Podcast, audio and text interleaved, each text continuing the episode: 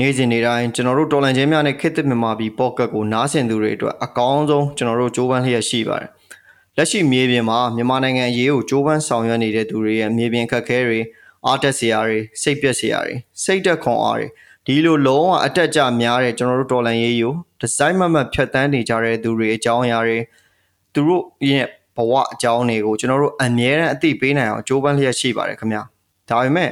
ကျွန်တော်တို့တကယ်အခြေအနေကိုအသိပေးနေတာကကျွန်တော်တို့ရက်တည်နေတာမြန်မာနိုင်ငံမှာလာရောက်တရားထုတ်နေတဲ့နိုင်ငံသားယောဂီတွေနဲ့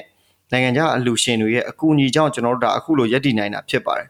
ပြီးတော့ကျွန်တော်တို့ရဲ့ pocket ဖြစ်မြောက်လာဖို့စေတနာရင်းခံတဲ့ဝိုင်းဝန်းပံ့ပိုးပေးကြတဲ့ပညာရှင်တွေကျွန်တော်ပြီးရင် Insight မြန်မာ pocket ပြီးရင် Better Burma Organization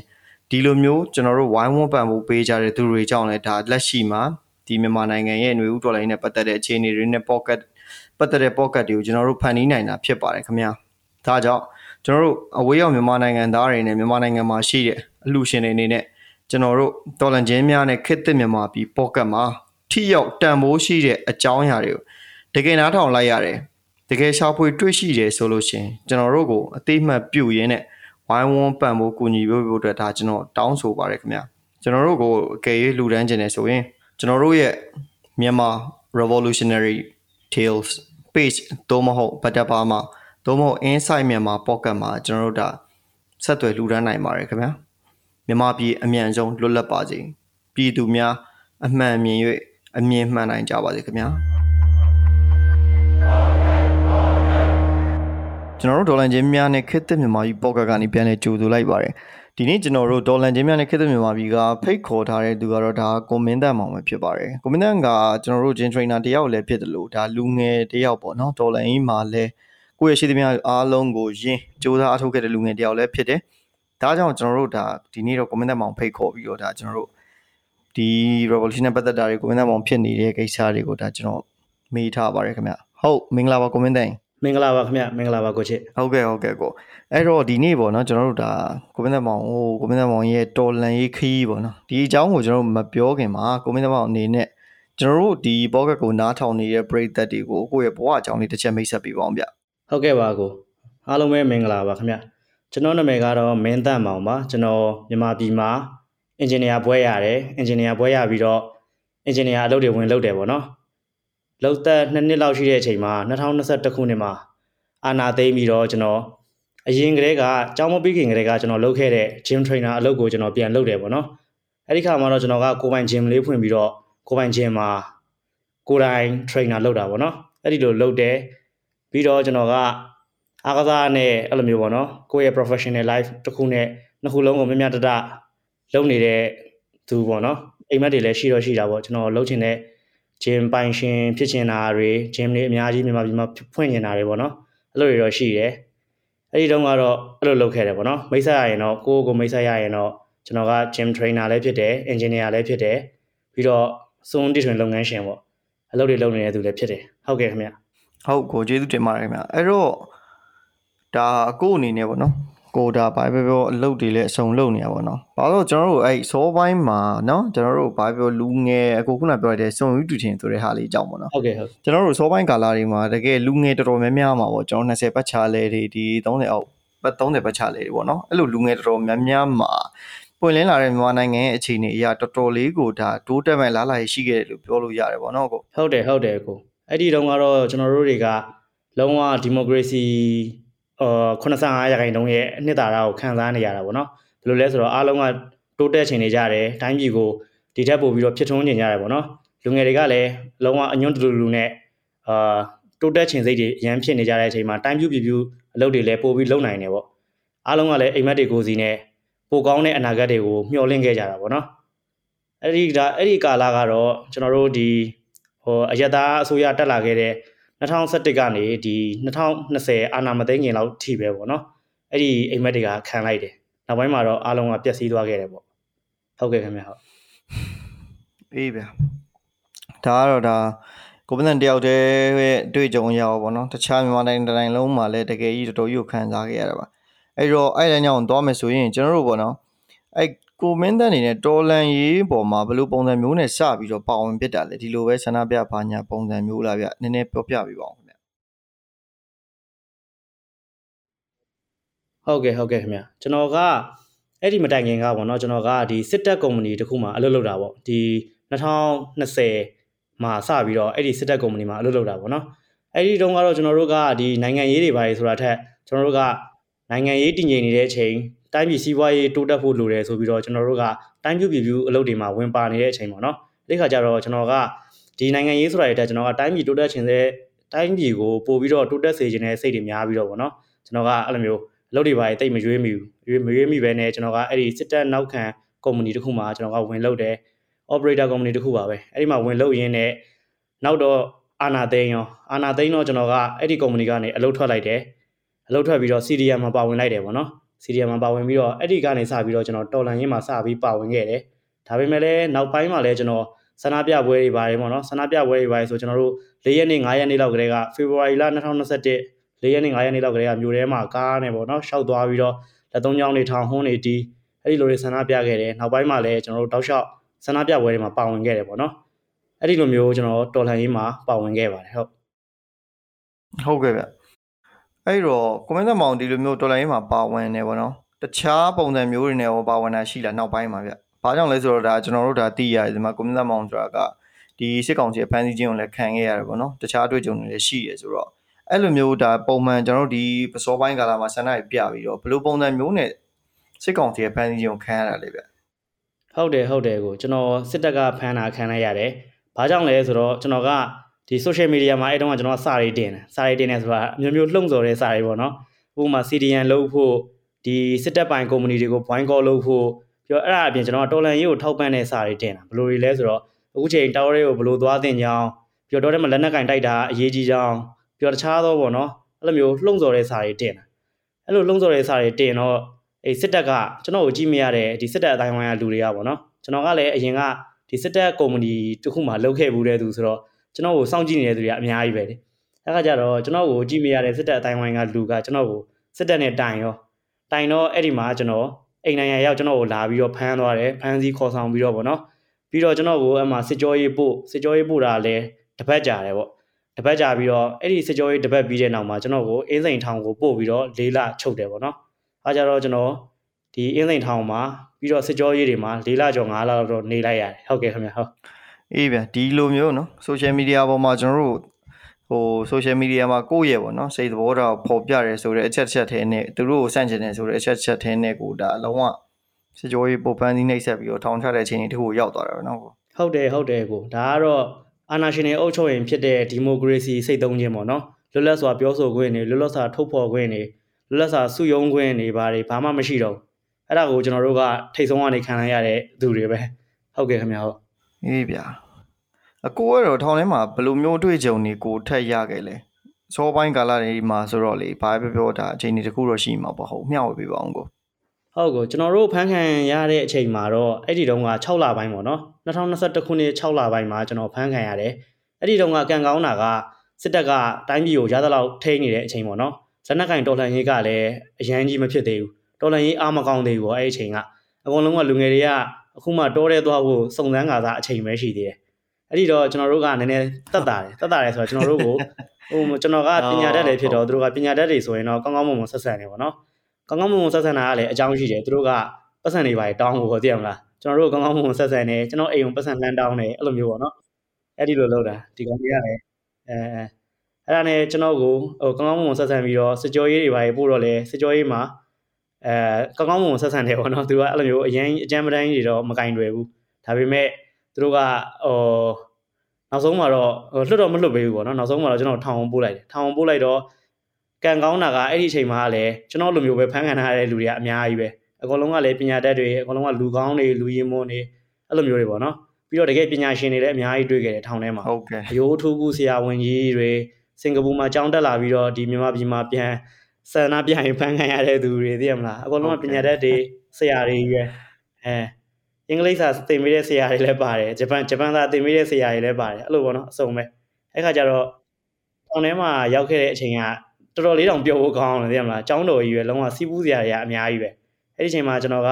သူတို့တွေနဲ့လည်းပေါင်းသင်းတယ်စကားပြောဆက်ဆံတယ်အဲ့လိုမျိုးပေါ့နော်အဲ့လိုနဲ့ကျွန်တော်စာအုပ်တွေလည်းအများကြီးဖတ်ဖြစ်တယ်ပြီးတော့ကျွန်တော်လေးလာခြင်းနဲ့ဝါသနာပါတဲ့ဟာတွေကိုလည်းအဲ့ဒီ ကိုယ့်ရဲ့ image တွေပေါ့နော်ကိုယ့်ရဲ့အကျဉ်းသားတွေစီကနေပြီးတော့ဟောလေ့လာဖြစ်တယ်ပေါ့ဥပမာဟုတ်ကဲ့ဗျအာကို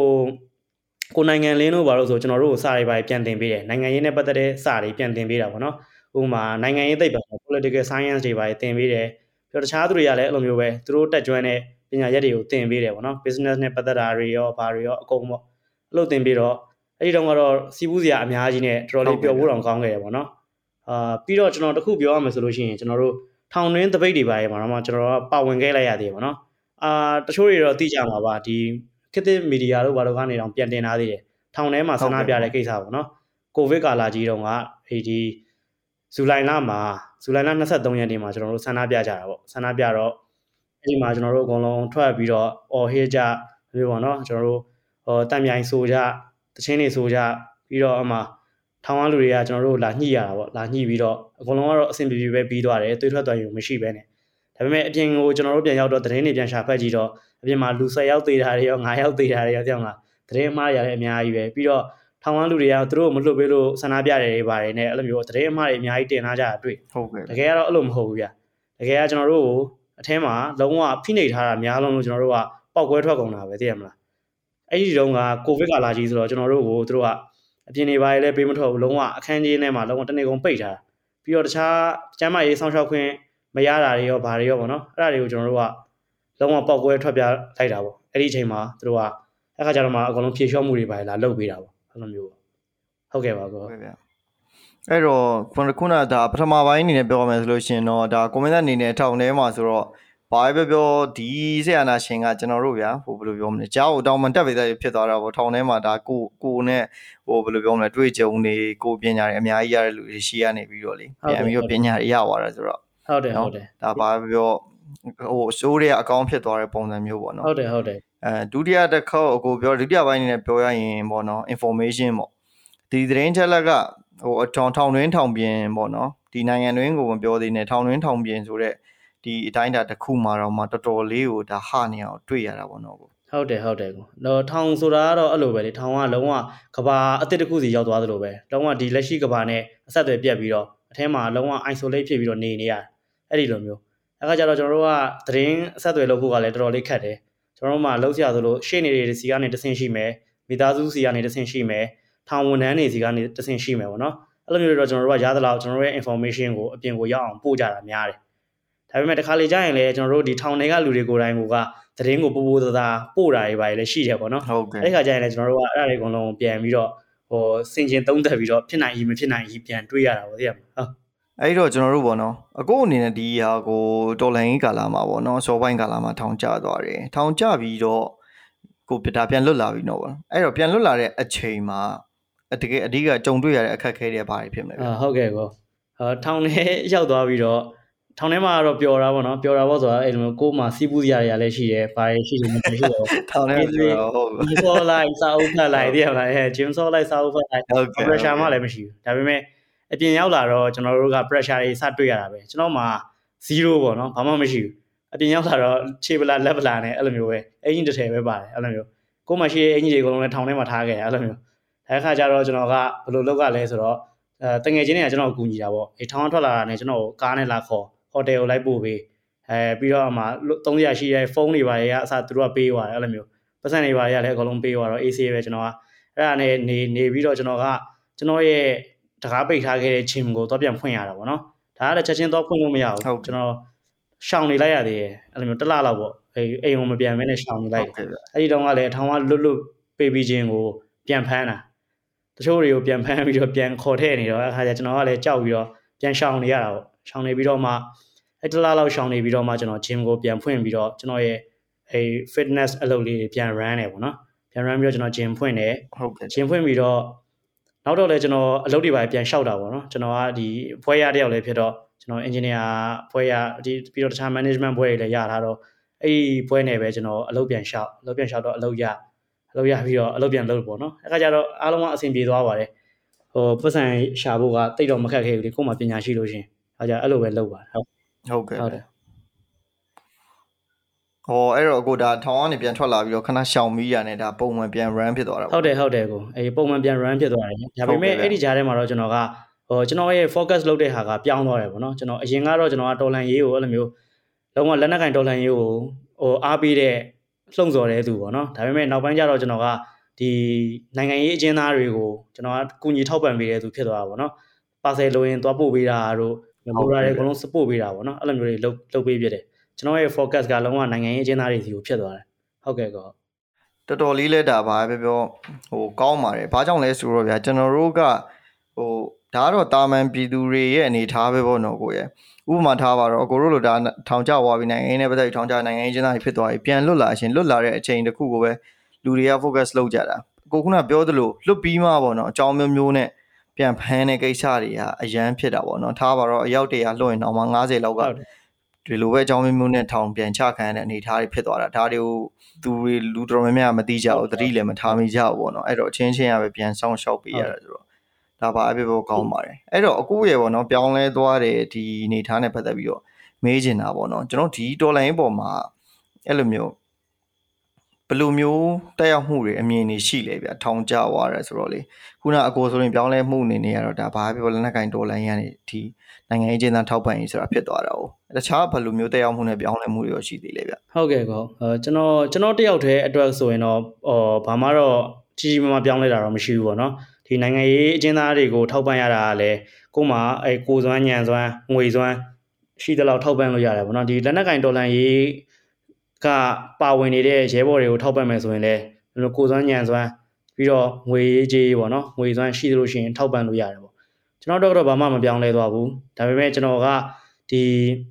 ကိုယ့်ရဲ့ level တစ်ခုချက်ထွင်မိတာဖြစ်ပြီးတော့ကျွန်တော်နိုင်ငံရေးကျင်းသားတွေနဲ့ပို့ပြီးရင်းနှီးနှီးရှိလာတယ်သူတို့ကိုလည်းသူတို့အကြောင်းတွေပို့သိလာပြီးတော့ကျွန်တော်ပို့ပြီးတော့သူတို့ကို support ပေးနိုင်လာတယ်ပေါ့နော်အဲ့ခါကျတော့ကောင်းပါတယ်ဟုတ်အဲဒီလိုမျိုးထောက်ပံ့ပေးနိုင်တာကလည်းဟုတ်ကဲ့ကိုဟုတ်ဟုတ်ကဲ့ဗျာကို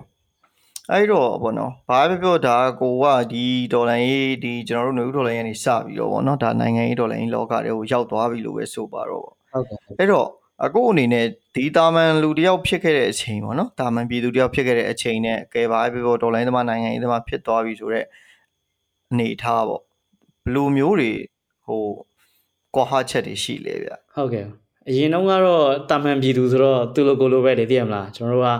အော်ဘာမှဝန်တော့ဝင်ပိုးရမရှိဘူးကျွန်တော်တို့မှဝန်တော့ဝင်ပိုးဆိုလို့ကျွန်တော်တို့လာတာများများရဖို့ရယ်အိမ်ဝယ်ဖို့ကားဝယ်ဖို့လို့သိရမလားတီဆောက်ဖို့တီဆောက်ဖို့ပဲကောင်းနေမှရှိတယ်အဲအဲဒါပေမဲ့ကျွန်တော်တို့ဒီတော်လန်ရေးဆိုတာကြီးဖြစ်လာတဲ့အချိန်မှာကျတော့ကျွန်တော်တို့ကတီဆောက်ဖို့ကအရင်မဟုတ်တော့ဘူးကျွန်တော်တို့တီဆောက်ထားတဲ့ဟာတွေကိုဖြည့်ဆည်းမဲ့သူကရှိအဲ့ခါကျတော့ကျွန်တော်တို့ကအဲ့ဖြည့်ဆည်းမဲ့သူကိုအရင်ဆုံးဖြိုချရမယ်ပေါ့နော်တိုက်ထုတ်ရမယ်အဲ့ဒီဖြိုချတိုက်ထုတ်ပြီးတော့မှကျွန်တော်တို့ရဲ့တီဆောက်ဖို့ကိစ္စတွေကိုခေါင်းထဲထည့်ရမှာဖြစ်တယ်အဲ့ဒါကြောင့်မလို့ ကျွန်တော်တို့ကဘာပြောင်းလဲသွားလဲဆိုရင်တော့အခုချိန်မှာကျွန်တော်တို့ကတယောက်ယောက်နဲ့တိုက်ခိုက်ရမယ်ဝင်တော့ဝင်ဖို့ကြီးတော့ရှိလာပြီကျွန်တော်တို့မှာရန်သူရှိနေပြီပေါ့နော်အဲ့ဒီရန်သူကိုကျွန်တော်တို့တိုက်ထုတ်ရမယ်အဲ့ဒါပြီးမှကျွန်တော်တို့ရဲ့တိဆောက်ရေးကိစ္စတွေပြန်လုပ်ကြမယ်ပေါ့နော်တိုင်းပြူပြူကိစ္စတွေပြန်လုပ်ကြမယ်အဲ့ဒီလိုမျိုးပဲကျွန်တော်ခေါင်းထဲမှာရှိတော့တယ်အခုဟုတ်ကဲ့ကိုဟုတ်ကျေးဇူးတင်ပါတယ်ကိုအဲ့ဒါအရန်အရေးကြီးတဲ့အချက်ပေါ့နော်ဘာကြောင့်လဲဆိုတော့ကျွန်တော် engineering စကားမှာရှိတယ်ဗျာဟိုတိုက်ကြီးဘလောက်ကြီးအမြင့်ကြီးပဲစောက်ချင်တယ်ပဲဆိုဆိုဒီမြေကဘလုံးဝ ဒီ quality ရှိတဲ့တိုက်ကိုစောက်လို့မရဘူးဆိုဘလို့မှအဆင်မပြေဘူးပေါ့နော်အခုလည်းကျွန်တော်တို့ဟောနော်ကျွန်တော်ရင်တော့ကဒါတာမန်ပြည်သူတယောက်အနေနဲ့ဖြစ်တဲ့အချိန်မှာကျွန်တော်ကဘလူကြီးတွေငါတို့နာကဘယ်လိုတိဆောက်မယ်ငါတို့ဒါကိုကိုချစ်သူတွေကိုဇနီးမယားတွေကိုမိသားစုတွေဘယ်လိုမျိုးတွေပါတယ်ဖန်တီးမယ်ဆိုတော့စိတ်လောက်ပဲရှိတာပေါ့နော်ဒါပေမဲ့တကယ်တကယ်မှာကဟိုဒီဒေါ်လာရင်းဖြစ်သွားတဲ့အချိန်မှာကိုနိုင်ငံရဲ့ဒီအနေအထားတွေဘာတွေဖြစ်နေတယ်ဆိုတော့ပိုပြီးမြင်လာတာပေါ့နော်ဒါဘာပဲပြောပြောတော်တော်ဖိုးတန်ပါတယ် ဟုတ်တယ်ကိုဟုတ်တယ်ဟုတ်ကိုအဲ့တော့နောက်ထပ်မေးခွန်းကပေါ့နော်ဒါလက်ရှိမှာဆိုလို့ရှင်ဒါကျွန်တော်တို့ဘာပဲပြောကိုဆိုရပါတော့ဒါအမျိုးသားညီညွတ်ရေးဆိုရပါအဲ့တော့အမျိုးသားညီညွတ်ရေးဆိုရရဲ့လှုပ်ဆောင်ချက်တွေနဲ့ပတ်သက်ပြီးတော့ကိုဘယ်လိုမြင်လဲဗျဟုတ်ကဲ့ဟုတ်ကဲ့ဟိုတနေ့ရပဲကျွန်တော်တို့ရောက်နေတဲ့မျိုးကပေါ့နော်အဲ့လိုမျိုးဟာတာ group တွေတခုရှိတယ်အဲ့ဒီဒီမျိုးသူမျိုးသားတွေပါပဲသူတို့ကဟာတာလေး share ကြအဲ့ဒီ group ထဲမှာလာ share ထား nothing နဲ့ start with an နဲ့ and end with g တဲ့ nothing ကတဲ့ဘာမှမဟုတ်တဲ့ဟာက an နဲ့စပြီးတော့ g နဲ့ဆုံးတယ်တဲ့အဲပြီးတော့သူက caption ထိုးထားတယ် NUG တဲ့အဲဒါကြတော့သူကပြောချင်တာ NUG ကဘာမှမဟုတ်ဘူးပေါ့နော်တကယ်လဲအဲ့ဒီလိုဖြစ်နေတော့မှာပဲ NUG ကအခုထိဘာမှမဟုတ်သေးတဲ့အနေအထားတော့ဖြစ်နေတယ်ဒါပေမဲ့အရင်ကထက်တော့တဖြည်းဖြည်းနဲ့သူတို့တွေအားကောင်းလာပြီပေါ့နော်သူတို့တွေဟောစနစ်တကျနဲ့တက်တွေစုဖွဲ့လာနိုင်တယ်ပြီးတော့အာ PDF တွေအပြင်ဒီရန်ကုန်မြို့ပေါ်မှာဆိုလဲပကဖတွေပါတယ် အဲ့လိုမျိုးဖွဲ့စည်းပြီးတော့ဗောနော်ပအဖတွေလည်းဖွဲ့စည်းပြီးတော့သူတို့တွေဟောတိုက်ခိုက်ရေးရောအဲ့လိုမျိုးဟောအုပ်ချုပ်ရေးရောနှစ်ခုလုံးအပြိုင်စူးစမ်းပြီးတော့လုပ်နေကြတယ်ပေါ့နော်ဒါပေမဲ့သူတို့စီမှာလည်းတည့်တဲ့အတိုင်းပဲကောင်းတဲ့သူလှုပ်တဲ့သူအလုပ်လုပ်တဲ့သူရှိသလိုဘာမှမလုပ်ဘဲနဲ့အချောင်ခိုနေတဲ့သူတွေကလည်းရှိတာပေါ့အချောင်ခိုနေတယ်ဆိုတာကတော့ပြည်သူနဲ့ဝေးနေတော့ပြည်သူကမထောက်ပြနိုင်ဘူးသူတို့အားကြသူတို့ကအာအချောင်ပေါ့နော်ရေစည်းလေးနဲ့မျောနေတဲ့သူတွေလည်းရှိတာပေါ့အဲ့ခါကျတော့ တော်လန်ရေးအောင်ရင်တော့အကုန်လုံးကိုဆွဲခေါ်မှရမှာပေါ့သိရမလားဘာလို့လဲဆိုတော့တာမန်ပြည်သူနဲ့သူတို့နဲ့တော့မတူဘူးသူတို့ကကြတော့ပြည်သူကရွေးချယ်ထားတာကိုစားအလုပ်လုပ်ဖို့ရွေးချယ်ထားတဲ့သူတွေပေါ့နော်ကိုစလဲတွေအဲ့ဒီလူတွေကအလုံးမလုပ်လို့ရှိရင်ပြည်သူတွေကဘာသွားလုပ်လို့ရမှာလဲပေါ့နော်ပြီးတော့ကျွန်တော်ကသူများကိုမဝေဖန်ခင်ကိုယ့်ကိုပြန်အရင်ဝေဖန်နေပေါ့နော်ကျွန်တော်ကိုကျွန်တော်ဝေဖန်ကြည့်လို့ရှိရင်ကျွန်တော်ကလက်ရှိပြည်သူကျွန်တော်ကဒီတော်လန်ရေးကနေဘာမှရခဲ့တာမဟုတ်ဒီတော်လန်ရေးကိုပဲကျွန်တော်ကပေးဆက်ခဲ့ရပြီးတော့အခုချိန်မှာလည်းကျွန်တော်ကပြောရမယ်ဆိုလို့ရှိရင်ဒါဒုက္ခတဲ့တယောက်အနေနဲ့ နေနေရတာပေါ့နော်အဲ့ဒီခါကျတော့သူတို့တွေကတော်လန်ရေးကနေရနေတဲ့သူတွေလည်းရှိတယ်သိရမလားဟုတ်အဲ့ဒီခါကျတော့သူတို့အနေနဲ့တော်လန်ရေးကိုပို့ပြီးတော့မြုပ်နှံတင်တယ်ပေါ့နော်အဲ့ဒီလိုပဲကျွန်တော်ကတော့မြင်ဒီအစိုးရကိုဟုတ်ကဲ့ကောအရန်ကောင်းတဲ့သုံးချက်ပါဗျာကျေးဇူးလည်းတင်တယ်ခုနပြောတဲ့အဓိကအချက်ပေါ့နော်ဒီလူတွေထူးသဖြင့်ပေါ့ဒါကိုယ်စလဲတွေပဲဆိုပါတော့ဗောနော်။ဘာကြောင့်လဲဆိုတော့ကျွန်တော်တို့ဒီ NUG ဆိုတော့ပြန်ပြီးတော့ဟိုနောက်ကြောင်းပြန်ကောက်ရမယ်ဆိုဘာပဲပြောဒါ2021မှာကျွန်တော်တို့ဒါရွေးချယ်တင်မြှောက်ထားတဲ့အစိုးရရဲ့ ဒါဘာပဲပြောကျွန်တော်တို့ကိုယ်စလဲတွေပဲပေါ့နော်။ဟုတ်ကဲ့သူတို့တွေနဲ့ပဲဒါဖွဲ့စည်းထားတာပေါ့အဲ့မှာပြဿနာဘယ်လိုလဲဆိုတော့ကိုကုနာပြောရတာပေါ့နော်ကျွန်တော်ပြန်ကောက်နှုတ်တာဆိုရင်ဒါပြည်သူနဲ့ဝေးနေတဲ့အတွက်ပြည်သူကကောင်းကောင်းမဝေဖန်နိုင်ဘူးပေါ့အဲအဲ့အချက်တော်တော်ကောင်းပါတယ်ဘာလို့ဆိုတော့မျက်ကွယ်ပုံစံမျိုးဖြစ်တဲ့အတွက်လူတွေရဲ့ကောင်းခြင်းဆိုးခြင်းကတော်တော်လေးကိုပုံပေါ်ပါတယ်ပေါ့နော်ဟုတ်တယ်ကိုဟုတ်တော်တော်လေးဟွာဖြစ်ပါတယ်ဟုတ်ပါတယ်အကိုပြောတာတကယ်မှန်တယ်ဒီဒေါ်လာရေးကကျွန်တော်တကယ်အောင်မို့ဆိုရှင်အကုန်လုံးက ဟိုဘယ်လိုပြောမလဲလုံးဝရှေ့ကိုပဲဆက်သွားနေရမှာအချောင်းခိုးလို့မရဘူးအနေထားတစ်ခုမှာပေါ့နော်အဲပြီးတော့ပြည်သူကရွေးချယ်ထားတဲ့သူဆိုပို့လို့တောင်တာဝန်ရှိသေးတယ်ပေါ့ဟုတ်တယ်ဟုတ်ကဲ့ဗျတကယ်လဲဖို့တန်ပါတယ်အဲ့တော့ဒီစကားတွေလည်းကျွန်တော်တို့ဒါသူတို့နားရဲရောက်အောင်လဲကျွန်တော်စူးစမ်းရတယ်ပေါ့နော်။ဘာကြောင့်လဲဆိုတော့ကျွန်တော်တို့ဒီ pocket လုပ်တယ်ဆိုတာကလည်းဘာပြောပြောသတင်းမီဒီယာတစ်ခုထက်ဆိုင်ကျွန်တော်တို့ကတမိုင်းတစ်ခုအနေနဲ့ဒါကိုစူးစမ်းနေတာပါ။တကယ်လဲကျေးဇူးတင်ပါတယ်ကို။ဟုတ်ကဲ့ပါပါ။ဟုတ်ကဲ့ဗျ။ အဲ့တော့ကျွန်တော်တို့ပေါ့နော်။အဲ့တော့ခုနလိုအားနည်းချက်တွေတော့ရှိနေပြီ။အဲ့တော့ဘယ်လိုမျိုးအချက်တွေနဲ့ဘယ်လိုမျိုးအကောင့်ထဲပေါ်လိုက်မယ်ဆိုလို့ရှိရင်ကျွန်တော်တို့တော်လိုင်းရေးပေါ့နော်။အထူးသဖြင့်ဒါကျွန်တော်တို့မျိုးသားညီညွတ်ရေးဆိုရအနေနဲ့ဟောပို့ပြီးတော့ဘာတွေပိုကောင်းသွားမလဲကျွန်တော်တို့တော်လိုင်းရေးရောဘလို့ပို့ပြီးခီးရောက်သွားမယ်လို့ထင်လဲဗျဥပမာဘလို့အချက်တွေကိုကောင်းတယ်ပေါ်လိုက်ရင်ဟုတ်ကဲ့ဟုတ်အဲ့ဒီကိစ္စကပြောရမယ်ဆိုရင်ပထမဆုံးတစ်ချက်ကကျွန်တော်က နိုင်ငံရေးနဲ့ပတ်သက်ပြီးတော့ဆရာကြီးမဟုတ်ဘူးဗျာသိလားဟုတ်ကဲ့ပြီးတော့ကျွန်တော်ကဒီ researcher တွေပါလည်းမဟုတ်ဘူးပေါ့နော်ပြီးတော့ကျွန်တော်ကနိုင်ငံရေးစောင့်ကြည့်လေ့လာသုံးသပ်သူလည်းမဟုတ်ဘူးကျွန်တော်ကတာမန်ပြည်သူဖြစ်နေတယ်တာမန်ပြည်သူဖြစ်နေတော့ကျွန်တော်ကသူတို့ကိုကောင်းမွန်တဲ့အာအတွေးခေါ်တွေသုံးသပ်ချက်တွေပေးနိုင်မှာမဟုတ်ဘူးဗျပြီးတော့နောက်တစ်ခုကျွန်တော်ကျွန်တော်ရဲ့အမြင်ကကျွန်တော်တို့ရဲ့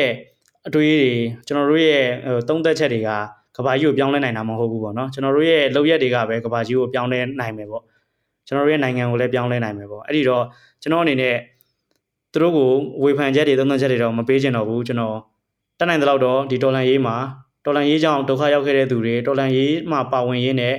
အဲ့လိုမျိုးပေါ့နော်နစ်နာခဲ့ရတဲ့သူတွေပြီးတော့ဒီတော်လန်ရေးထဲမှာဆက်လက်ပါဝင်နေတဲ့သူတွေဒီမတရားမှုကိုတိုက်ထုတ်ဖို့စူးစမ်းနေတဲ့သူတွေအကုန်လုံးကိုကျွန်တော်တက်နိုင်တဲ့လောက်တော့ support သွားမယ်ဆိုတော့စိတ်ပဲရှိတော့တယ်ခင်ဗျာဟုတ်ကဲ့ကျေးဇူးတင်ပါတယ်ဗျသူတို့ကလည်းတကယ်ဟွာဖြစ်တာပေါ့နော် ဘာပဲပြောတချို့တကယ်လုံနေတဲ့သူတွေကပေါ့နော်ကျွန်တော်တို့ကပြောလိုက်ရဆိုရှင်ခုနကကိုပြောသလိုပေါ့မင်းကဘာမို့လို့လဲနိုင်ငံရေးဝေဖန်နေရမင်းကဘာလှုပ်ထားလို့လဲဆိုတော့အေးကောပေါ့နော်တခါကြရင်ပြည်သူတယောက်အနေနဲ့လည်းတော်တော်လေးဟိုဟာဖြစ်ပါတယ်အကျိုးဟာတွေဟုတ်တယ်ကိုဟုတ်တယ်ကောင်းပါတယ်ကိုရှိုးရတော့တကယ်လုံနေပါတယ်အဲဒီကျွန်တော်တို့အစိုးရမှာဆိုရင်လည်းလေတကူတကယ်လှုပ်တဲ့သူကလှုပ်နေတယ်ဒါပေမဲ့အဲ့ဒီသူတို့တကယ်လှုပ်တဲ့သူအချင်းချင်းကြားထဲမှာကြတော့လေတချို့တွေကတကယ်မလှုပ်နေလို့ရှိရင်သူတို့အချင်းချင်းကလည်းသူတို့မကြိုက်ဘူးပေါ့နော် အဲ့လိုမျိုးတွေရှိဟုတ်ကဲ့ဗျအဲ့ဒါကြတော့အကုန်လုံးကတက်ညီလက်ညီလောက်ကြမယ်ဆိုလို့ရှိရင်တော့ပိုကောင်းတာပေါ့သိရမလားကျွန်တော်ကလည်းအကုန်လုံးကိုတက်ညီလက်ညီလောက်စေချင်တာပါဒါပါပဲဟုတ်ကဲ့ကောဟုတ်ပါတယ်ကိုဒါမှလည်းကျွန်တော်တို့ရဲ့ဒီဒေါ်လာရင်းကကိုလိုရာထက်ဥမှထားပါတော့ဗျ။ဘာကြောင့်လဲဆိုတော့ကိုလည်းသိရကျွန်တော်လည်းသိရနေ့စဉ်နဲ့မျှကျွန်တော်တို့ရဲ့တငယ်ချင်းတွေမိတ်ဆွေတွေနော်ကိုပေါ့ဝင်းကျင်ကလူတွေတကယ်နိုင်ငံကိုတကယ်ချစ်မြတ်လို့တဲ့လူတွေကထောင်ထဲမှာအချို့ဆိုရင်အသက်ပေးသွားပြီတေးသွားပြီအချို့ဆိုရင်လည်းဒါလုံးဝ ဟိုပညာအကိုပြောသလိုပညာတက်တွေလည်းထောင်ထဲမှာတောတဲ့တောင်ထဲတွေမှာရှိကြရတာစာပြီးတော်လန်နေတာဆိုတော့တရက်တိုင်းတရက်တိုင်းကသာဥမာထားပါတော့ဗျာ၄နှစ်လောက်ပြီးသွားမဲ့တော်လန်ရေးကိုအကုန်ခြေသာခိုနေလို့ပေါ့နော်တကယ်လှုပ်လို့ရမဲ့လူရေးသားခိုနေလို့၄နှစ်လောက်ကြာမဲ့တော်လန်ရေးကို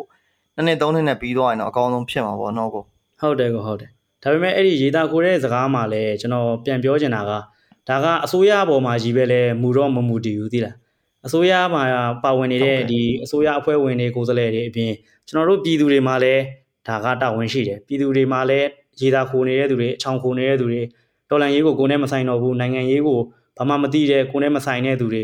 အဲ့လိုတွေလည်းရှိတယ်အဲ့ဒါတွေကြောင့်လည်းတော်လန်ရေးကပိုးကြနေတာဗျဟုတ်ကဲ့သိတယ်မလားဟုတ်ကဲ့ကောတကယ်တကယ်အမှန်ဆုံးပါပဲဘာကြောင့်လဲဆိုတော့လေကျွန်တော်တို့တော်လန်ရေးကာလမှာထားပါတော့အစောပိုင်းကာလတွေမှာပေါ့နော်အခုပြောတာလေးကိုကျွန်တော်ထပ်ပြီးတော့ ကွန်မေးရမယ်ဆိုရင်စောပိုင်းကာလတွေမှာကျွန်တော်တို့တော်တော်လေးကိုဘယ်လိုပြောမလဲ seriously ဖြစ်တာပေါ့နော်အရန်လဲတော်တော်လေးလဲဟိုလူတိုင်းကဒါကြီးကိုတော်တော်လေးလဲအားကောင်းတာပေါ့နော်ဒါပေမဲ့အခုချိန်မှာဆိုလို့ရှိရင်တော်တော်များများကဘာပြောပြောတော်လိုင်းရင်းကနေတွေးဖယ်သွားကြပြီပြီးတော့ကိုလုံနိုင်တဲ့အပိုင်းတော်မှာဗျာဩလှုပ်ချင်လှုပ်မယ်မလှုပ်ချင်မလှုပ်ဘူးဆိုတဲ့ပုံစံမျိုးတွေကိုဖြစ်နေတာပေါ့နော်အဲ့ပုံစံမျိုးတွေကိုတွေ့လာရပြီပေါ့နော်ခက်စိတ်စိတ်ပေါ့ခါတိုင်းဆိုရင်ကိုယ်ပတ်ဝန်းကျင်မှာတော့မရှိဘူးဆိုတော့ဟုတ်ကဲ့ပေါ့ ဟုတ်တယ်ဆိုကျွန်တော်ဆိုဘယ်လိုဖြစ်လဲဆိုတော့ကျွန်တော်ရန်ကုန်ကဟိုရန်ကုန်ကပေါ့နော်ကျွန်တော်ကရန်ကုန်မှာနေခဲ့တာဆိုတော့ရန်ကုန်ကတငယ်ချင်းတွေဆိုအခုလောလောကျွန်တော်စကားသွားပြောရင်တော့သူတို့ပြန်မပြောချင်တော့ဘာလို့လဲဆိုတော့ကျွန်တော်ကပြောရင်နိုင်ငံရေးတွေပြောနိုင်ငံရေးတွေပြောရင်သူတို့ကနိုင်ငံရေးဆိုစိတ်ညစ်လို့စိတ်ပင်ပန်းလို့အဲ့ဒါတွေမပြောချင်ဘူးဆိုပြောသေးရမလားကျွန်တော်နဲ့တောင်စကားမပြောဖြစ်တာတော့တော်တော်ကြာသွားပြီသူတို့နဲ့အဲ့လိုအဲ့လိုအနေထားတွေကဟမ်ဟုတ်တယ်ဟုတ်တယ်ကိုတော်တော်လေးတဲ့နော်တော်တော်လေးတဲ့တစ်ခါတလေပေါ့နော်ကျွန်တော်တို့ကဘယ်လိုပြောမလဲတစ်ဖက်ကဒီ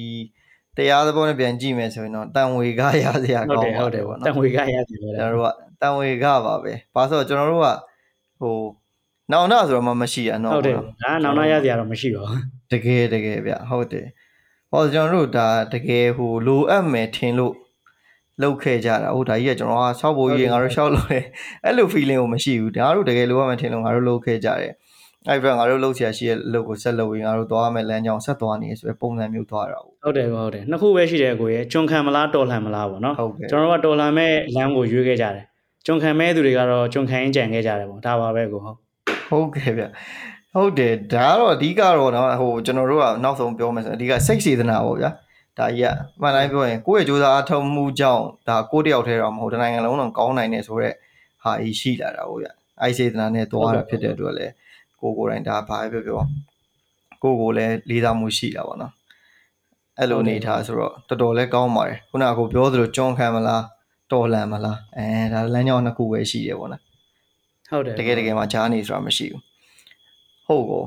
ခုနကကျွန်တော်ပေါ့နော်နည်းနည်းတစ်ချက်မေးဖို့ကြံသွားတဲ့ကိစ္စတစ်ခုရှိတယ်ဗျအခုအနေနဲ့ပေါ့နော်ဒီထောင်တွေကဒေါ်လာရင်းသမားတွေအထူးသဖြင့်နိုင်ငံရေးကျင်းသားတွေကိုကျွန်တော်တို့ပံ့ပိုးကူညီနေရမှာသူတို့ကဘလူဟာဘလူအမျိုးအရာတွေတော်တော်များများလိုအပ်တယ်ဗျသူတို့ရဲ့လိုအပ်ချက်တော်တော်များများဘာတွေဖြစ်ဟုတ်ဟုတ်ကဲ့ဟုတ် ကျွန်တော်ထောင်ကလွတ်လွတ်လာခြင်းအဲ့ဒီပထမဆုံးကျွန်တော်ရှောင်နေတဲ့တလမှာပဲကျွန်တော်ထောင်ထဲကလူတွေအဓိကလိုအပ်တဲ့စာအုပ်တွေပေါ့နော်ကျွန်တော်ဟုတ်ကဲ့ဗျအပြင်ကကျွန်တော်တငယ်ချင်းတွေစီကနေအကုန်လုံးလိုက်ကောက်ပြီးတော့ကျွန်တော်လိုက်တောင်းပြီးတော့ပေါ့နော်ထောင်ထဲကလူတွေအတွက်ကျွန်တော်ကျွန်တော်အတိထောင်ဝန်ထမ်းကနေတဆင့်ကျွန်တော်တခါတည်းအထဲကိုထည့်ပြီးတော့လှူခဲ့ပူတယ်ပေါ့နော်အဲ့ဒီတုန်းကစာအုပ်300ကျော်တယ်ကျွန်တော်အဲ့ဒါအဲ့စာအုပ်300ကျော်ကို light truck ကားနဲ့တည်ပြီးတော့အဲ့ဒီထောင်ထဲကို3ဘိန်းဆိုင်ကယ်နဲ့ပို့ဝေးလိုက်တယ်အဲ့လိုမျိုး အဲ့လိုမျိုးပို့ဝေးခဲ့ဘူးတယ်ပေါ့နော်အဓိကတော့စာအုပ်ပေါ့သူတို့ပထမဆုံးလိုအပ်တာထမင်းမစားရရင်နေနေမယ်ဗျာသူတို့ကထောင်ထဲမှာအရန်ပြင်းတော့တခြားဘာ entertainment မှလည်းမရှိတော့စာအုပ်တော့အရန်ဖတ်ကြတယ်အဲ့ခါကျတော့ကျွန်တော်ကပထမဆုံးအနေနဲ့သူတို့ကိုစာအုပ်သွားလှူခဲ့ပေးဘူးတယ်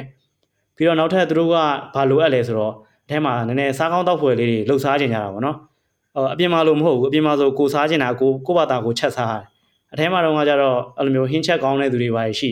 ရှိတော့သူတို့ကအကုန်လုံးအတွက်ဆိုပြီးတော့တခန်းလုံးအတွက်တွေပါချက်ကြွေးတာမျိုးတွေရှိရပါတော့ချက်ကြွေးတာတို့လှုပ်ကြွေးတာတို့ရှိတယ်အဲ့ခါကျတော့အာဘုံအနေနဲ့ပေါ့နော်ကျွန်တော်ပတ်စံလေးပါတယ်သူတို့လှမ်းပို့ပေးတယ်ပို့တယ်ဆိုတာဒီဈေးဘားပေါ့နော်ထောင်ထဲမှာじゃဈေးဘားလို့ခေါ်တဲ့နေရာရှိတယ်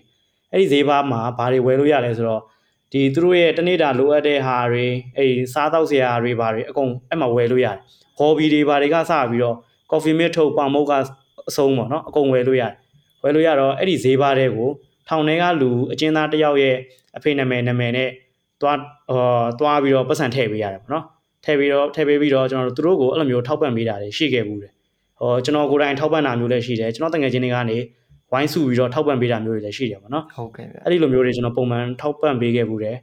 ပြီးတော့နောက်ထပ်တငယ်ချင်းတွေစီကနေတစင်အကူအညီတွေယူပြီးတော့ဆေးတွေပါလည်းပို့ပေးဘူးတယ်ပေါ့နော်အမြဲတမ်းသူတို့စီကိုအဲ့လိုပို့ပေးနေတာပေါ့ဟောဘာပဲလို့လို့ပေါ့ဆေးပဲလို့လို့အ ထက်မှာ TV တွေရှိတော့အဲ့ TV နဲ့ရုပ်ရှင်ကြည့်ဖို့ memory stick ကအစားကျွန်တော်အဲ့လိုမျိုးထည့်ပေးဘူးတယ်အဲ့လိုမျိုးအဲ့ဒါတော့ကျွန်တော်ရန်ကုန်မှာရှိတော့မှာပေါ့နော်အဲ့လိုမျိုးတွေထောင်ထဲကလူတွေနဲ့ဆက်သွယ်လုပ်ပြီးတော့အများအား support ပေးခဲ့ဘူးတယ်ဟုတ်ကဲ့ကော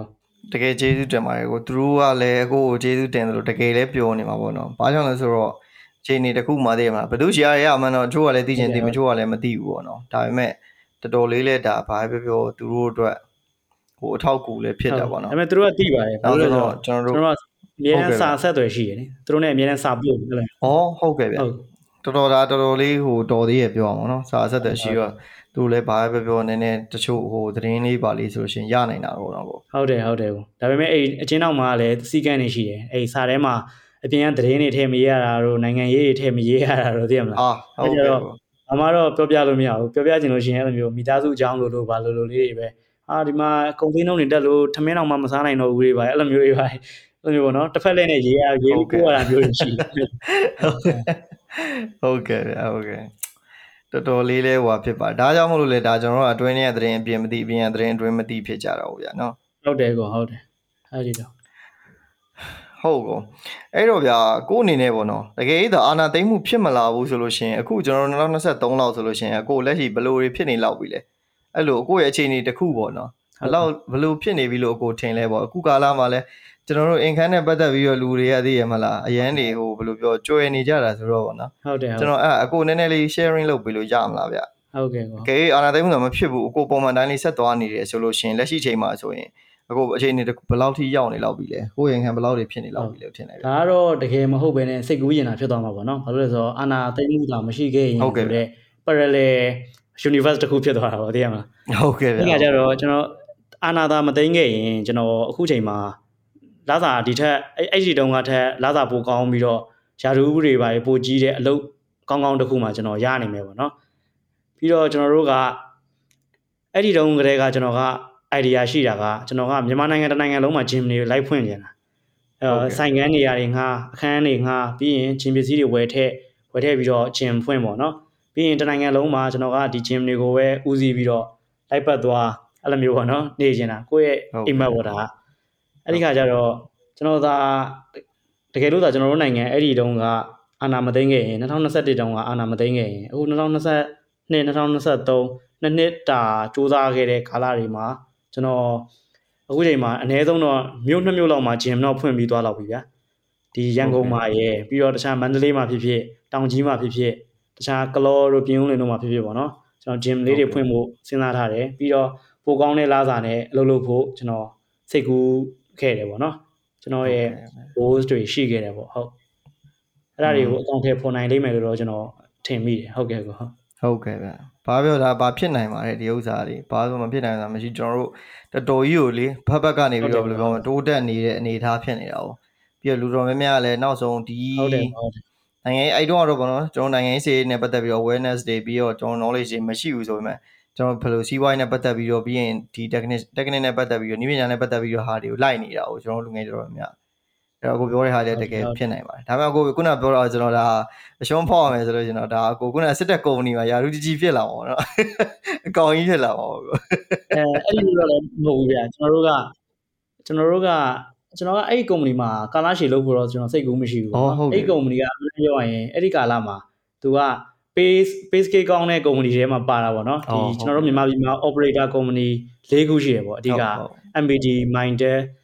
ပြီးတော့ Oridu နဲ့ Telenor အဲ့ဒီတုန်းက company ၄ခုရှိတယ်အဲ့ဒီမှာသူက Mindel company ပေါ့နော်ဟို base case ကကောင်းတဲ့ထဲမှာပါတယ်ပေါ့ ဟိုအဲ့ဒီတုန်းကဒေါ်လာဈေးနဲ့တွက်လို့ရှိရင်ဒေါ်လာ400 500လောက်တော့ရတာပေါ့နော်ဟုတ်ကဲ့ဗျာဒေါ်လာ400 500လောက်ရတော့ကျွန်တော်ကအော်အဲ့ဒီမှာ AC ပဲတော်တော်လေးနဲ့မိုက်တယ်ဆိုပြီးတော့ဆက်လုပ်နေတာပေါ့ဒါပေမဲ့ကျွန်တော်ကအမြဲတမ်းကျွန်တော်ကအလုပ်ကို jam လုပ်တယ် jam တယ်ဆိုတာဒီပါလှုပ်လိုက်ဟိုကကုမ္ပဏီကလာစာပို့ပေးပြီးခေါ်ရင်ကျွန်တော်ပြောင်းလိုက်အဲ့လိုမျိုးပြောင်းတာပေါ့နော်ဟုတ်ကဲ့ဟိုအဲ့ဒီမြန်မာပြည်မှာတော့ကကျွန်တော်ဘွဲရပြီးကလေးက3နှစ်အလုပ်လုပ်တဲ့အချိန်မှာတော့မှကျွန်တော်အလုပ်က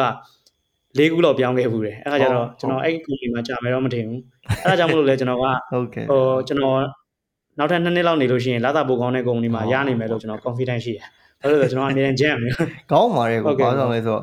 တနေရာထဲမှာရွှဲမြဲလောက်တာရဲမလောက်တာရဲဆိုတာထက်ပေါ့နော်ကိုယ့်ရဲ့အချိန် limit တစ်ခုနဲ့ပေါ့ဒီအလုံးမှာရတဲ့ရတဲ့ဟာကိုလုပ်သွားတာဟုတ်တယ်ကောဟုတ်ကဲ့ကောဟုတ်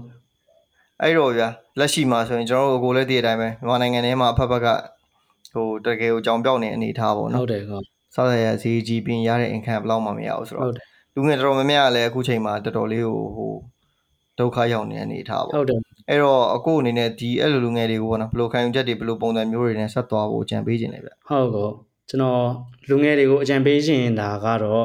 ဒီမြန်မာပြည်ကနေထွက်ကြတာပါပေါ့နော်ဘာလို့လဲဆိုတော့မြန်မာပြည်မှာအခုချိန်ဘာမှလှုပ်ရှားလို့မရတော့ဘူးကိုကမကောင်းတာလုံးမှပဲလှုပ်ရှားလို့ရတော့မယ်မကောင်းတာဆိုတာချဲရောင်းတာတို့ပြီးတော့တခြားဒုစရိုက်အလုပ်တွေလုပ်တာတို့ပေါ့နော်ဆေးရောင်းမှုရဆေးရောင်းတာတို့အဲ့လိုမျိုးမကောင်းတဲ့အလုပ်တွေလုပ်လို့ရှိရင်တော့ဟော ငွေရှာတာပဲဖြစ်ဖြစ်အဲစာဝန်တွေရေးပဲဖြစ်ဖြစ်ပြည်တယ်လိမ့်မယ်စီးပွားရေးလုပ်တာပဲဖြစ်ဖြစ်ပြည်တယ်လိမ့်မယ်ဒါပေမဲ့အစိုးရကမကောင်းတဲ့အချိန်မှာအဲ့ဒီနိုင်ငံမှာဖတ်တွေ့ပြီးနေနေလို့ကတော့ကိုယ့်အတွက်ဘာမှကောင်းကျိုးမရှိဘူးကိုယ်ဆုတ်ယုတ်ဖို့ပဲရှိတယ်အဲ့ဒီတော့ကျွန်တော်လူငယ်တွေကိုအကြံပေးချင်တာမြန်မာပြည်ကနေထွက်ကြပါမြန်မာပြည်ကနေထွက်ပြီးတော့အဲ့ဒီကိုထွက်လာပြီးတော့လွတ်လပ်တဲ့နေရာကိုသွားပါလွတ်လပ်တဲ့နေရာကနေကိုယ့်ရဲ့စီးပွားရေးပဲဖြစ်ဖြစ်ပညာရေးပဲဖြစ်ဖြစ်အားလုံးကိုတိဆောက်ပါတိဆောက်ပြီးသွားလို့ရှိရင်အဲ့ဒီနိုင်ငံကလုံးဝစုပ်ပြတ်ပြီးတော့ ပျက်စီးသွားတဲ့အချိန်ကျမှအဲ့ဒီနိုင်ငံကိုပြန်သွားပြီးတော့ထူထောင်မှုတွေလုပ်ရမယ်အခုချိန်မှာ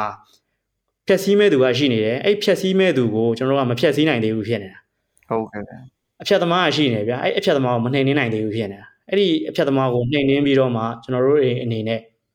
ပြန်ပြီးတော့တိဆောက်မှုတွေလုပ်ကြမယ်ပေါ့နော်နိုင်ငံတိုးတက်ဖို့တွေလုပ်ကြမယ်အဲ့ဒီလိုမျိုးပဲကျွန်တော်မြင်ထားတယ်အဲ့ဒီတော့အကြံပေးချင်တာကဘာသာစကားတွေကောင်းကောင်းသင်ဘာသာစကားကောင်းကောင်းသင်ပြီးတော့နိုင်ငံခြားကိုထွက်ပိုလွတ်လပ်တဲ့နေရာကိုသွား ကိုယ့်ရဲ့စီးပွားရေးပဲဖြစ်ဖြစ်ပညာရေးပဲဖြစ်ဖြစ်တိဆောက်တိဆောက်ပြီးတော့မှကျွန်တော်တို့တစ်ချိန်ကျရင်မြန်မာပြည်ကိုပြန်သွားပြီးတော့ပြန်လည်ထူထောင်ရေးတွေလုပ်ကြမယ်ဒါပါပဲဟုတ်ကဲ့ဗျဒါကတော့ဒါအခုအနေနဲ့ကျတော့ဒါဘာပြောကိုလျှောက်လာတဲ့ခရီးနဲ့ပေါ့နော်ကိုသွားခဲ့တဲ့လမ်းကြောင်းနဲ့ဆိုတော့ဒါတော်တော်လဲဟွာဖြစ်ပါတယ်တော်တော်လဲအကျိုးရှိပါတယ်လက်ရှိမှာလဲ အခုနောက်ဆုံးအခုအခုအခုမထွက်ခိုင်းတော့အကုန်လုံးကထွက်မယ်အနေထားမှာရှိနေနော်ဟုတ်တယ်ဟုတ်တယ်ဒီမှာဖွင့်တော့ဟိုတလောကမှဂျပန်ဟိုမှာပြောလို့ပါလေ GLPT ဆံမေးပွဲမှာတော်တော်လေးလဲအမှန်တိုင်းပြောရင်လေကိုယ်နိုင်ငံအတွက်ကျွန်တော်တို့ရည်တယ်ရင်နာနာနဲ့ရည်တယ်ဆိုတဲ့ပုံစံမျိုးနော်ဟုတ်တယ်တကယ်ရည်မောတယ်ဆိုတဲ့စကားလုံးပါပဲရည်ပြီးရင်တော်တော်မောရပါတယ်ဟုတ်ပါဟုတ်ကျွန်တော်တို့လုံးဝဗျာတကယ်ဟို ဖားကတ်မှာရေမစေးသမားတွေလိုပဲဗျာတကယ် GLPT မှာဆံမိုးပဲဖြေတာចောင်းသားတွေတွားရတာဟုတ်ပါဟုတ်လူရက်ပြေးလွှာတိုးဝေးတွားရတာတွေ passport ရုံးမှာဟုတ်ပါဟုတ်ပြောလိုက်မနဲ့ဟိုတနာရီနှစ်နာရီလောက်ခရေကညဘက်ကြီးညတနာရီနှစ်နာရီဟိုတန်းစီရတဲ့ကိစ္စတွေပေါ့နော်မြင်ရတဲ့အခါမှာလည်းအကိုပြောတာလေးနဲ့ဆက်ဆက်မိသွားတာပေါ့နော်ကိုဟုတ်ပါဟုတ်ပါဟုတ်ကဲ့ကိုကျေးဇူးပါဗျအဲ့တော့အကိုလက်ရှိမှာလည်းဗျအခုဆိုရင်ကိုလည်းသတင်းတွေကြားမှာပေါ့နော် ဟိုနေပြီးတော့အထီအောင်တိုက်နိုင်နေရတော့ဘာလို့ပေါ့နော်ပြီးရင်အဲ့လိုမျိုးဒီလက်ကတောင်ကုန်းလေးစက္ကန့်တစ်ခုတောင်မှပဲတာလွန်အင်အားနဲ့တိန်းတာတော့မှမတိန်းနိုင်အောင်ဆိုတဲ့အနေထားတွေပေါ့နော်ဟုတ်သို့ပေမဲ့လည်းဒါသတင်းဆိုတာလည်းမြေပြင်အနေထားနဲ့ကွာဟနိုင်မှုဆိုတာရှိရကြအောင်လို့တော့မပြောလို့ဘူးသို့ပေမဲ့အခုအနေနဲ့ရောလက်ရှိမြန်မာနိုင်ငံရဲ့သွားနေတဲ့ဒေါ်လာရင်းနဲ့ပတ်သက်ပြီးတော့ပေါ့နော်ဘယ်လိုမျိုးတွေရှိလဲဘယ်လောက်ဘယ်လိုမျိုးအနေထားမှာဆိုလို့ရှိရင်ပေါ့နော်ဥပမာနောက်ထပ်ဘယ်နှစ်ဘယ်နှစ်လလောက်နေဒါသုံးဖို့ဘယ်နှစ်နှစ်လောက်နေ ကိုဘာပဲပြောပြောဒီကျွန်တော်တို့နိုင်ငံကိုဖျက်ဆီးနေတဲ့ကောင်ပေါ့နော်အပြီးတိုင်ဖျက်ဆီးနိုင်မယ်လို့ထင်လဲဗျဟုတ်ကဲ့ကောပထမဆုံးပြောချင်တာကတော့ဒီကောင်တွေကအရန်စနစ်ကြတယ်ဗျဒီကိုယ့်ရဲ့ရန်သူကအရန်စနစ်ကြတယ်ဘယ်တော့တောင်စနစ်ကြလဲဆိုရင်သူကအခုကျွန်တော်တို့ပြည်သူကတော်လန်ရေးမှာပါဝင်မှုအားလျော့သွားတာကလည်းသူတို့ကြောင့်အများကြီးပါတယ်သူတို့ကဟုတ်ကဲ့ဗျပညာရေးကိုစနစ်တကျဖျက်ဆီးခဲ့တဲ့သူတွေဆိုတော့ဒီပြည်သူတွေမှာက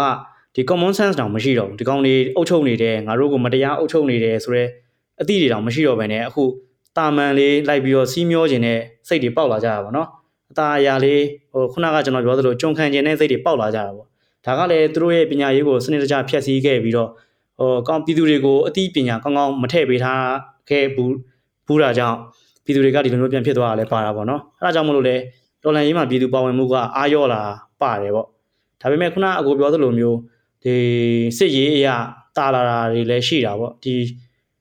ရှင်းရှင်းပြောရလို့ရှိရင်ဒီ NUG အောက်ကနေပြီးတော့သွားနေတဲ့ PDF တွေရှိတယ်ပြီးတော့တခြား local PDF တွေရှိတယ်ပြီးတော့တခြားသောလက်နက်ကိုင်အဖွဲ့အစည်းတွေပေါ့နော်ဟိုကျွန်တော်တို့ဒီတော်လန်ရေးပြီးတော့မှပေါ်ပေါက်လာတဲ့အဲမှာဆိုဒီចောင်းသားလက်ယုံတက်တော်တို့ BPLA တို့အဲ့ဒီလိုမျိုးတက်တွေကလည်းတဖြည်းဖြည်းနဲ့အားကောင်းလာတယ်ဗျအရန်အားကောင်းလာတယ်အားကောင်းလာတော့စစ်ကောင်စီကအကုန်လုံးကိုလိုက်ပြီးထိန်းချုပ်ဖို့ကမလွယ်တော့ဘူးသူတို့အတွက်ကလည်းအကြက်အကြက်ရိုက်လာတယ်ဗောနော်အဲ့ဒီတော့သူတို့တွေနဲ့စစ်တိုက်လို့ရှိရင်မနိုင်တာတွေပါတယ်ရှိလာပြီဗောနော် အာလော်ဘီဆိုတာကတော့နှစ်ဖက်လုံးကလော်ကြမှာပဲဗောဒီကိုယ့်ဘက်ကလည်းလူတွေကလည်းတာမန်တကယ်လက်ရှိဖြစ်နေတဲ့မြေပြင်သတင်းထက်ပိုတာတာတာတာတင်တာတွေရှိတယ်ဟိုဘက်ကလည်းဝါဒပြန်ဖြန့်တာတွေရှိတယ်ဗောနော်အဲ့ဒီခါကျတော့ကျွန်တော်တို့တွေနဲ့အမှန်ကိုတော့သိရဖို့ကကိုကိုယ်တိုင်မြေပြင်ကိုသွားပြီးတော့မြေပြင်ကလူတွေစီမှာစုံစမ်းကြည့်မှသိမယ်ဒါပေမဲ့တေချာတာတစ်ခုကတော့တော်လန်ရေးကအရင်အထက်အားကောင်းလာပြီတော်လန်ရေးသမားတွေဘက်ကနေပြီးတော့ပို့တာလာပြီဆိုတော့ကျွန်တော်ယုံကြည်တယ်ဗျဟုတ်ကဲ့ကောဟုတ်ကဲ့ဗျကို ကျေးဇူးတင်ပါတယ်တကယ်လဲဟိုဖြစ်မှာပါလားဘာကြောင့်လဲဆိုတော့ကျွန်တော်တို့ရင်တုံးကဗျအဓိကတော့ကျွန်တော်တို့ကစိတ်စိတ်ပေါ့နော်တကယ်တော်တော်လေးကိုစိတ်အားထက်ထက်တန်တန်နဲ့ကိုလှုပ်ခဲ့ကြတာဗျဟုတ်တယ်လှုပ်တော့နောက်ဆုံးရှေ့တန်းကိုဗျာတနက်မပါဘဲနဲ့သွားတဲ့လူတွေအောင်ရှိတယ်ဟုတ်တယ်ကိုဟုတ်အဲ့ပုံစံမျိုးဆိုတော့ဒါဘာပဲပြောကျွန်တော်တို့ဒေါ်လာရေးရတရက်တည်းတရက်ပို့ပြီးတော့အားကောင်းလာမှာပေါ့နော်ကိုဟုတ်တယ်ကိုဟုတ်တယ်အကိုပြောတာအကိုပြောတာကျွန်တော်တငယ်ချင်းတွေစီကလည်းပြန်ကြတယ်ဘယ်လိုလဲဆိုတော့သူတို့တွေတနက်လည်းမလောက်ဘူးပေါ့နော်စစ်ကတိုက်ချင်အဲ့ခါကျတော့တနက်မရှိပဲရှေ့တန်းအောင်သွားအဲ့လိုမျိုးပေါ့နော်ပြီးတော့ သူတို့အဲ့ဒီတုန်းကကြုံခဲ့ရတာကတော့တနက်နဲ့အသက်နဲ့လဲရတယ်လို့ပါပဲပေါ့နော်ရန်သူစီကတနက်ရဖို့သူတို့အသက်တွေပေးခဲ့ရတယ်ပေါ့အဲ့လိုမျိုးတွေလည်းကြုံခဲ့ရတဲ့သူတွေပြန်ပြောပြရတယ်နားထောင်ရတယ်ဗျဟုတ်ကဲ့ဟုတ်ကဲ့ဗျဘာပဲပြောပေါ့နော်ဒါကျွန်တော်တို့ရဲ့ဒါခုနအကိုတို့ပြောခဲ့သလိုကျွန်တော်တို့ဆွေးနွေးခဲ့သလိုပေါ့ဟိုဒီနိုင်ငံတိုးတက်ရေးအတွက်ဆိုတာလဲဒါတကယ်လိုအပ်တယ်ဒါပေမဲ့ခုနပြောသလိုတကယ်ကယ်ဖြည့်ဆည်းနေရကောင်လည်းအမြင့်ဖြတ်ဖို့ကလည်းရေးကြီးသေးတယ်ပေါ့နော်အဲအကြောင်းဟုတ်တယ်ကိုဟုတ်တယ် ကောင်းပါတယ်ကိုဘာပဲပြောပြောအခုလိုမျိုးဒါသေချာပေါ့နော်အကိုရဲ့ဖြတ်တန်းခဲ့တဲ့အတွေ့အကြုံတွေရောပေါ့နော်အကိုလှုပ်ပေးခဲ့တာတွေရောဒါအကိုဆက်သွားမယ့်ဟာတွေရောပေါ့ဒါဘာလုံးဝကိုပေါ်ပေါ်ပါနဲ့တေချာပြောပြပေးနေတဲ့အတွက်လည်းကျေးဇူးတင်ပါတယ်ကျွန်တော်တို့ဒီဒေါ်လာရင်ချင်းများနဲ့ပေါ့ကဲတဲ့မြောင်ကြီးပေါ့ကတ်ကိုလည်းအချိန်ပေးရတဲ့အတွက်အခုကိုလည်းရန်ကျေးဇူးတင်ပါတယ်ကိုဟုတ်ကဲ့ပါကိုကျွန်တော်ကလည်းကျွန်တော် ਨੇ ဒီလိုမျိုးစကားပြောပေးမေးမြန်းပေးတဲ့အတွက်ကျေးဇူးအများကြီးတင်ပါတယ်ဟုတ်ကဲ့ပါကော ဒါကကျွန်တော်ကိုကြီးမေးပေးရမယ်ဘာကြောင့်လဲဆိုတော့ကျွန်တော်ဒေါ်လာရေးကဒါဘာပဲပြောအကုန်လုံးကအသက်တွေသူတို့အများကြီးချိန်ကာလတွေအများကြီးရင်းနှီးထားတဲ့အားတွေအကုန်လုံးရင်းပြီးလှုပ်ထားကြတာဖြစ်တဲ့အတွက်ဒါသူတို့ရဲ့တမိုင်းချန်အောင်ဂျမ်းမရမှာပေါ့နော်ဒါဘာပဲပြောကျွန်တော်ကလည်းအဲ့လိုတောင်းတဲ့နေရာနေပြီးတော့အဲ့လိုမျိုးမေးမြန်းဝင်ရလဲတော်တော်ကျေးဇူးတင်ပါတယ်ကိုတော်တော်လေးဝမ်းသာပါတယ်ဟုတ်ကဲ့ကိုအဲ့တော့အကိုအနေနဲ့ရောတခြားဒါထပ်ပြီးတော့ပြောပြပေးချင်တာရှိရင်ပြောပြပေးပါအောင်ခင်ဗျာဟုတ်ကဲ့ကိုကျွန်တော်ကတော့ထပ်ပြီးပြောပြစရာတော့မရှိတော့ပါဘူးကိုဟုတ် ကျွန်တော်လည်းပြည့်စုံပြီလို့လည်းထင်ပါတယ်ဟုတ်ကဲ့ပါခင်ဗျာဒါပေမဲ့ကျွန်တော်တခုလောက်တောင်းဆိုရရင်ပေါ့နော်ကို့အစိုးရကိုတောင်းဆိုရရင်ပေါ့အစိုးရအနေနဲ့ဒီမှာအာအစိုးရအနေနဲ့ပေါ့နော်ဒုက္ခရောက်နေတဲ့ပြည်သူတွေအများကြီးရှိတယ်ဒုက္ခရောက်နေတဲ့ပြည်သူတွေနယ်စပ်တွေမှာရှိတယ်ထိုင်းနယ်စပ်မှာရှိတယ်ပြီးတော့ဘင်္ဂလားဒေ့ရှ်နယ်စပ်မှာရှိတယ်အိန္ဒိယနယ်စပ်မှာရှိတယ်အစုံပဲပေါ့နော်အဲ့ဒီဒုက္ခတွေတွေကိုလည်းသူတို့ကူညီလို့ရလို့ရှိရင်ကူညီပေးကြပါအောင်လို့သိရမလားဘာလို့လဲဆိုတော့ဒုက္ခတွေတွေကအတန်ကလည်းထွက်လို့မရဘူးသူတို့ကို အမျိုးမျိုးဖိနှိပ်မှုတွေရှိနေတယ်အဲ့ဒါကိုသူတို့အစိုးရလို့သူတို့ကိုသူတို့သတ်မှတ်ထားတဲ့သူတွေကိုယ်တိုင်ကမတိကျေးကြုံပြုတ်နေလို့ရှိရင်တော့အဲ့ဒီဒုက္ခတွေပြည်သူတွေအတွက်မကောင်းဘူးပေါ့နော်အဲ့ဒီတော့အပြန်အလှန်ကူညီပြီးတော့ဆောင်မကြည့်ရှုပေးကြဖို့ကျွန်တော်တောင်းဆိုချင်တယ်ပေါ့နော်ဒါကတော့ကျွန်တော် speak out လုပ်တဲ့သဘောပါပဲဟုတ်ကဲ့ပါကောကျေးဇူးတင်ပါတယ်ကိုကိုခုနပြောတဲ့ဟာလေးလည်းတကယ်မှတ်သားပါတယ်အစကိုကိုအစိုးရလို့ဒါကြွေးကြော်ထားတဲ့သူတွေကမှမတိကျေကြုံပြုတ်နေမယ်ဆိုရင်ပေါ့နော်ဒါပြည်သူတွေအတွက်က ပို့ပြီးနေတာဖို့ပဲရှိရဲဆိုတဲ့ဟာပေါ့နော်တကယ်ကျေးဇူးတင်ပါတယ်ကိုဒီ message လေးကိုဒါကျွန်တော်ရောက်အောင်ဒါစူးစမ်းပေးပါမယ်ကိုဟုတ်ကဲ့ပါနော်အကိုလည်းဆက်လိုက်ရတာရှေ့ဆက်မဲ့ခရီးမှာလည်းအဆင်ပြေပါစေဒါကျွန်တော်တို့တော်လန်ညီမနဲ့ခေတ္တမြန်မာပြည်ပေါ့ကဖွဲ့သားတွေအားလုံးကလည်းဆူတောင်းပေးပါတယ်ကိုဟုတ်ကဲ့ပါကျေးဇူးတင်ပါတယ်ကျွန်တော်တို့ရဲ့တော်လန်ချင်းများနဲ့ခေတ္တမြန်မာပြည်ပေါ့ကတ်ကိုအဆုံးထိတေချာနားထောင်ပေးရတဲ့အရန်မဲ့ဝမ်းသာရပါတယ်ခင်ဗျာဒီချိန်ဒီကာလကကျွန်တော်တို့မြန်မာနိုင်ငံကိုချစ်မြတ်နိုးတဲ့သူတိုင်းအတွက် အရန်ခက်ခဲစိတ်ပင်ပန်းနေရတဲ့ကာလလည်းဖြစ်ပါတယ်ကျွန်တော်ကိုယ်တိုင်လည်းအရန်စိတ်ပင်ပန်းရပါတယ်တခါတလေလုံးဝစိတ်ပြက်လက်ပြက်ဖြစ်သွားတဲ့အချိန်တွေလည်းရှိပါတယ်ဘလို့ပဲဖြစ်ဖြစ်ပေါ့ဗျာဒီခစ်ဆိုးစနစ်ဆိုအဆုံးသတ်ဖို့အတွက်ကျွန်တော်တို့မှာလည်းတာဝန်ရှိသလိုနိုင်ငံသူနိုင်ငံသားတိုင်းမှာတာဝန်ရှိပါတယ်ခင်ဗျာဒါကြောင့်ဘာတွေဘလို့ပဲကြုံရကြုံရအာတင်းပြီးတော့ဒီစစ်အာဏာရှင်အမြင့်ပြည့်ရေးမြန်မာနိုင်ငံအမြန်ဆုံးအေဂျင့်ရေးနဲ့တိုးတက်ရေးကိုကျွန်တော်တို့ရှေ့ရှုပြီးရှေ့ဆက်နေရမှာဖြစ်ပါတယ်သတင်းချက်လက်ရယူခြင်းရဲ့အဓိကအကျိုးသက်ရောက်မှုကကျွန်တော်တို့ဒါ နိုင်ငံတွင်းအခြေအနေတွေကိုနိုင်ငံတကာမီဒီယာတွေသိစေမယ်သူတို့ကိုအာရုံစိုက်စေမယ်ပြီးတော့ကျွန်တော်တို့ຫນွေဦးတော်လန်ရေးအတွက်အသက်တွေအထောက်အထားတွေကိုစူးစီးပေးနိုင်ခြင်းပဲဖြစ်ပါတယ်ကျွန်တော်တို့ရဲ့စ조사အားထုတ်မှုတွေကိုတကယ်သဘောကျနှစ်ချိုက်တယ်ဆိုရင်ဒါကျွန်တော်တို့ရေရှည်ရက်တည်ရေးအတွက်ဝိုင်းဝန်းပံ့ပိုးပေးဖို့ကျွန်တော်ဒါတိုက်တွန်းလိုပါတယ်ကျွန်တော်စေတနာရှင်တွေနားထောင်တဲ့သူတွေရဲ့လာစဉ်ပံ့ပိုးကူညီမှုတွေဒါအမှမဟုတ်တစ်ချိန်ဆိုတစ်ချိန်ထိထိရရောက်ပေးဖို့လှူဒန်းမှုတွေကဒါကျွန်တော်တို့ရှေ့ဆက်ဖို့အတွက်အရန်ရေးကြီးပါတယ်ခင်ဗျာဒါကြောင့်အဲ့လိုမျိုးဝိုင်းဝန်းပံ့ပိုးကူညီမှုတိုင်းကိုလည်း ကျွန်တော်အထူးပဲကျေးဇူးတင်ပါကြောင်းတည်ပေးလိုက်ရပါတယ်ခင်ဗျာမြမပြည်အမြန်ဆုံးလွတ်လပ်ပါစေပြည်သူများအမှန်မြင်၍အမြင်မှန်နိုင်ကြပါစေခင်ဗျာ